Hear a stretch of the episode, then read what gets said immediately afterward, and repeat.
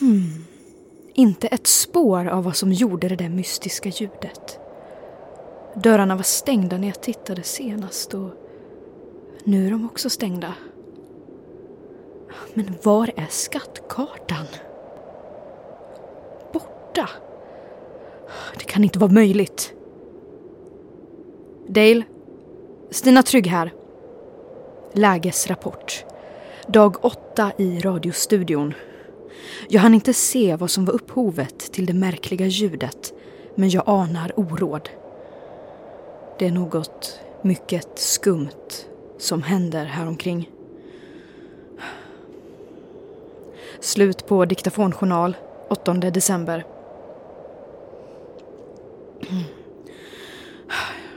Ja, ja. Tillbaka till eh, julkalendern. Ja, den är ju det mest normala som pågår just nu. Välkomna till ännu ett avsnitt av Melpomalias julkalender där vi får följa den rafflande följetongen Julexpressen. Nu ska vi få se vad som sker för våra vänner ombord.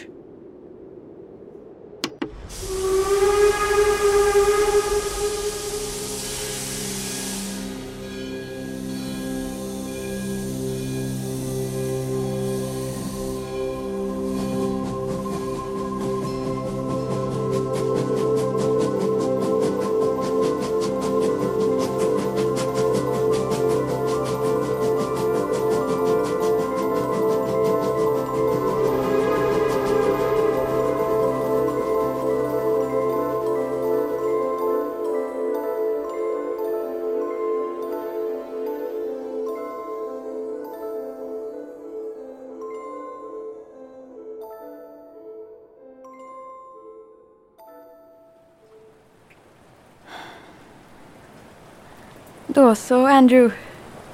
Då är det dags att eh, ta farväl. Ja, Är du säker på att du inte ska med till Beatrice och Edvard? nej, jag måste ordna upp några saker i mitt liv först. Hämta mina saker. Det var kul att träffas igen, Andrew. Jag hoppas att vi ses någon mer gång. Ja, man, man vet ju inte nu med allt som händer i världen och alla människor som försvinner. När jag blivit färdig med allt så kanske vi kan ses. Om du ger mig adressen till herrgården. Ja! Vad kul! Jag skriver ner adressen. Här. Har taxin kommit? Nej. Det tar väl lite tid i stormen antar jag. Titta på granarna. På skogen. Ja. Ser de inte märkliga ut?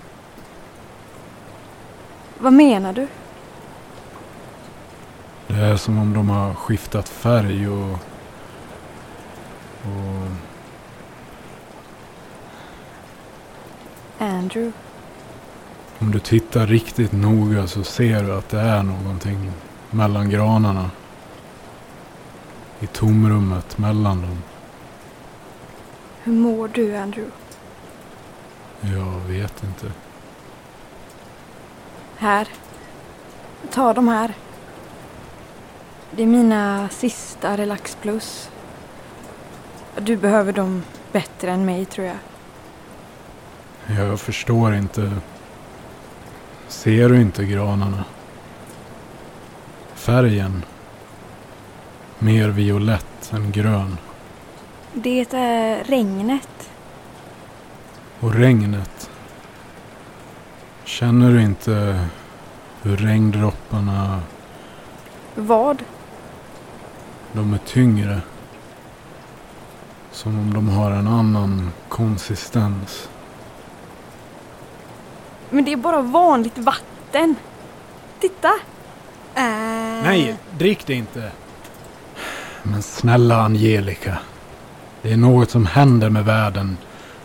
Jag förstår att ni inte ser det, men jag ser det. Att det är något som ligger under ytan. Som om jag ser ett annat lager av världen som pressar sig fram till vårt lager. Det fysiska. Jag förstår inte varför jag ser det, men jag ser det jag ser. Jag träffade en taxichaufför som också kunde se det. Ser du det inte? Jag förstår verkligen inte vad du menar, Andrew. Åker tåget strax. Jag bör gå tillbaka till kupén. Ja, annars missar du tåget. Jag hoppas att du hittar dina föräldrar. Jag kommer inte att göra det. Men eh, du försöker.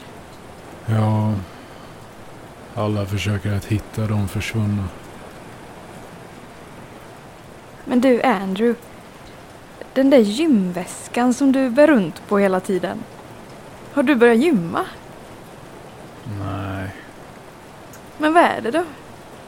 ingenting. Det är ingenting. Men det är lugnt, Andrew. Vi är lika, du och jag. Alla bär vi runt på våra hemligheter. Hej då, Andrew. Vi ses. Jag skrev mitt nummer också, så du kan ringa. Ja, vad bra. Hej då, Angelica.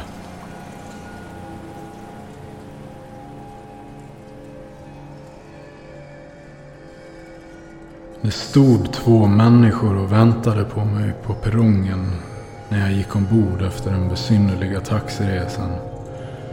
Det var två som stod där och väntade medan jag betalade den vettskrämda taxichauffören. Men jag förstod inte vad de ville. De bara stirrade mot mig. Som mannekängdockorna i restaurangvagnen tidigare.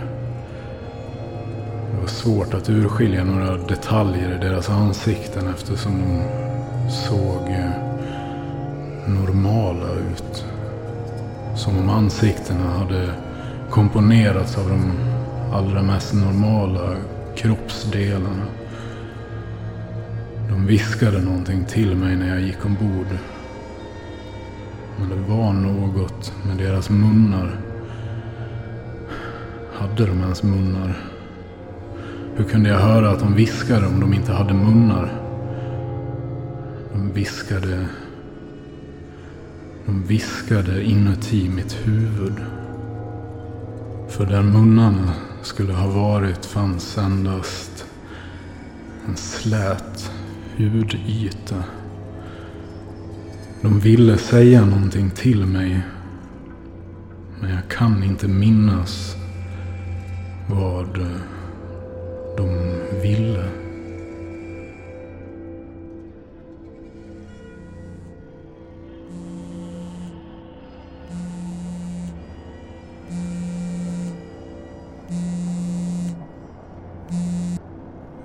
hallå?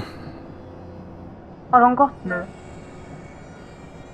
Ja, Jag tycker inte om henne. det spelar ingen roll vad du tycker längre. När ska du träffa mig? Snart.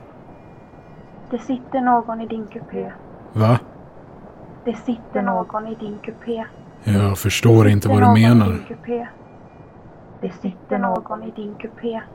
Jag förstår verkligen inte vad du menar, Amy. Det sitter någon i din kupé.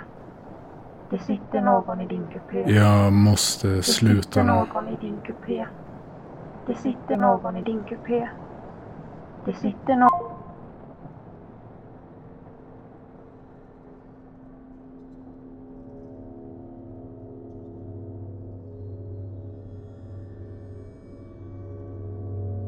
Det sitter någon i min kupé. Amy är så oförståelig. Det tar upp så mycket tid att förstå vad hon fortfarande vill. Att jag glömmer annat som jag borde fokusera på. Hon borde inte vilja någonting. Ändå så ringer hon hela tiden. Mina föräldrar tyckte inte om Amy. Men de behöver inte oroa sig för att träffa henne mer. De är försvunna. Jag har letat så länge efter dem. Men det känns som om jag har gett upp. Mina föräldrar var enkla människor med normala intressen som jag inte kan relatera till. De behövde inte tänka särskilt mycket på sakernas tillstånd och människans existens. Eftersom det inte fyllde någon funktion för dem. Mamma la pussel som föreställde olika platser i världen. Som hon sen ramade in och hängde på väggarna. Medan pappa snickrade ihop små fågelholkar som han satte upp i trädgården. Det fanns alltid en stillhet när jag kom hem till dem. Som om enkelheten gjorde det enklare att leva. Att härda ut. Om du tänker för mycket så blir världen komplex och svår. Varför välja att ha det svårt när du kan ha det enkelt? sa de. Det var innan katastrofen. Allt kom i rörelse och den gamla världen rämnade. Om du står still när ytan under dig rämnar så försvinner du. Spårlöst. Den nya världen är oförståelig. Människor som står still och känner efter försvinner. Mamma och pappa stod stilla. Och jag är alltid i rörelse. Det är så enkelt att inte känna någonting om du alltid är i rörelse. Det gör det enklare att leva. Att härda ut.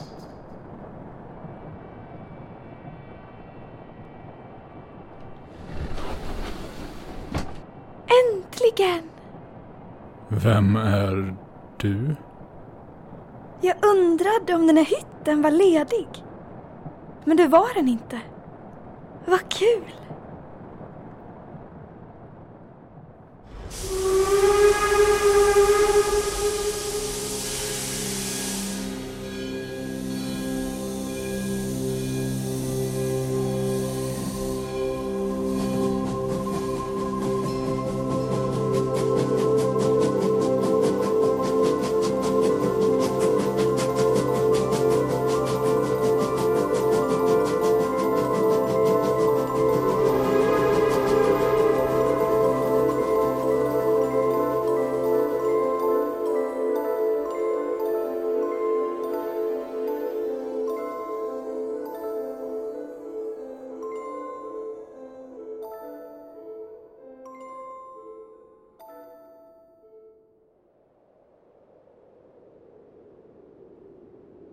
Andrew har tagit farväl av Angelica men en ny gäst har kommit ombord. Och vem kan hon vara? Fortsättningen får vi höra imorgon då nästa avsnitt av Melpomalias julkalender kommer. Välkomna tillbaka då vi öppnar nästa lucka.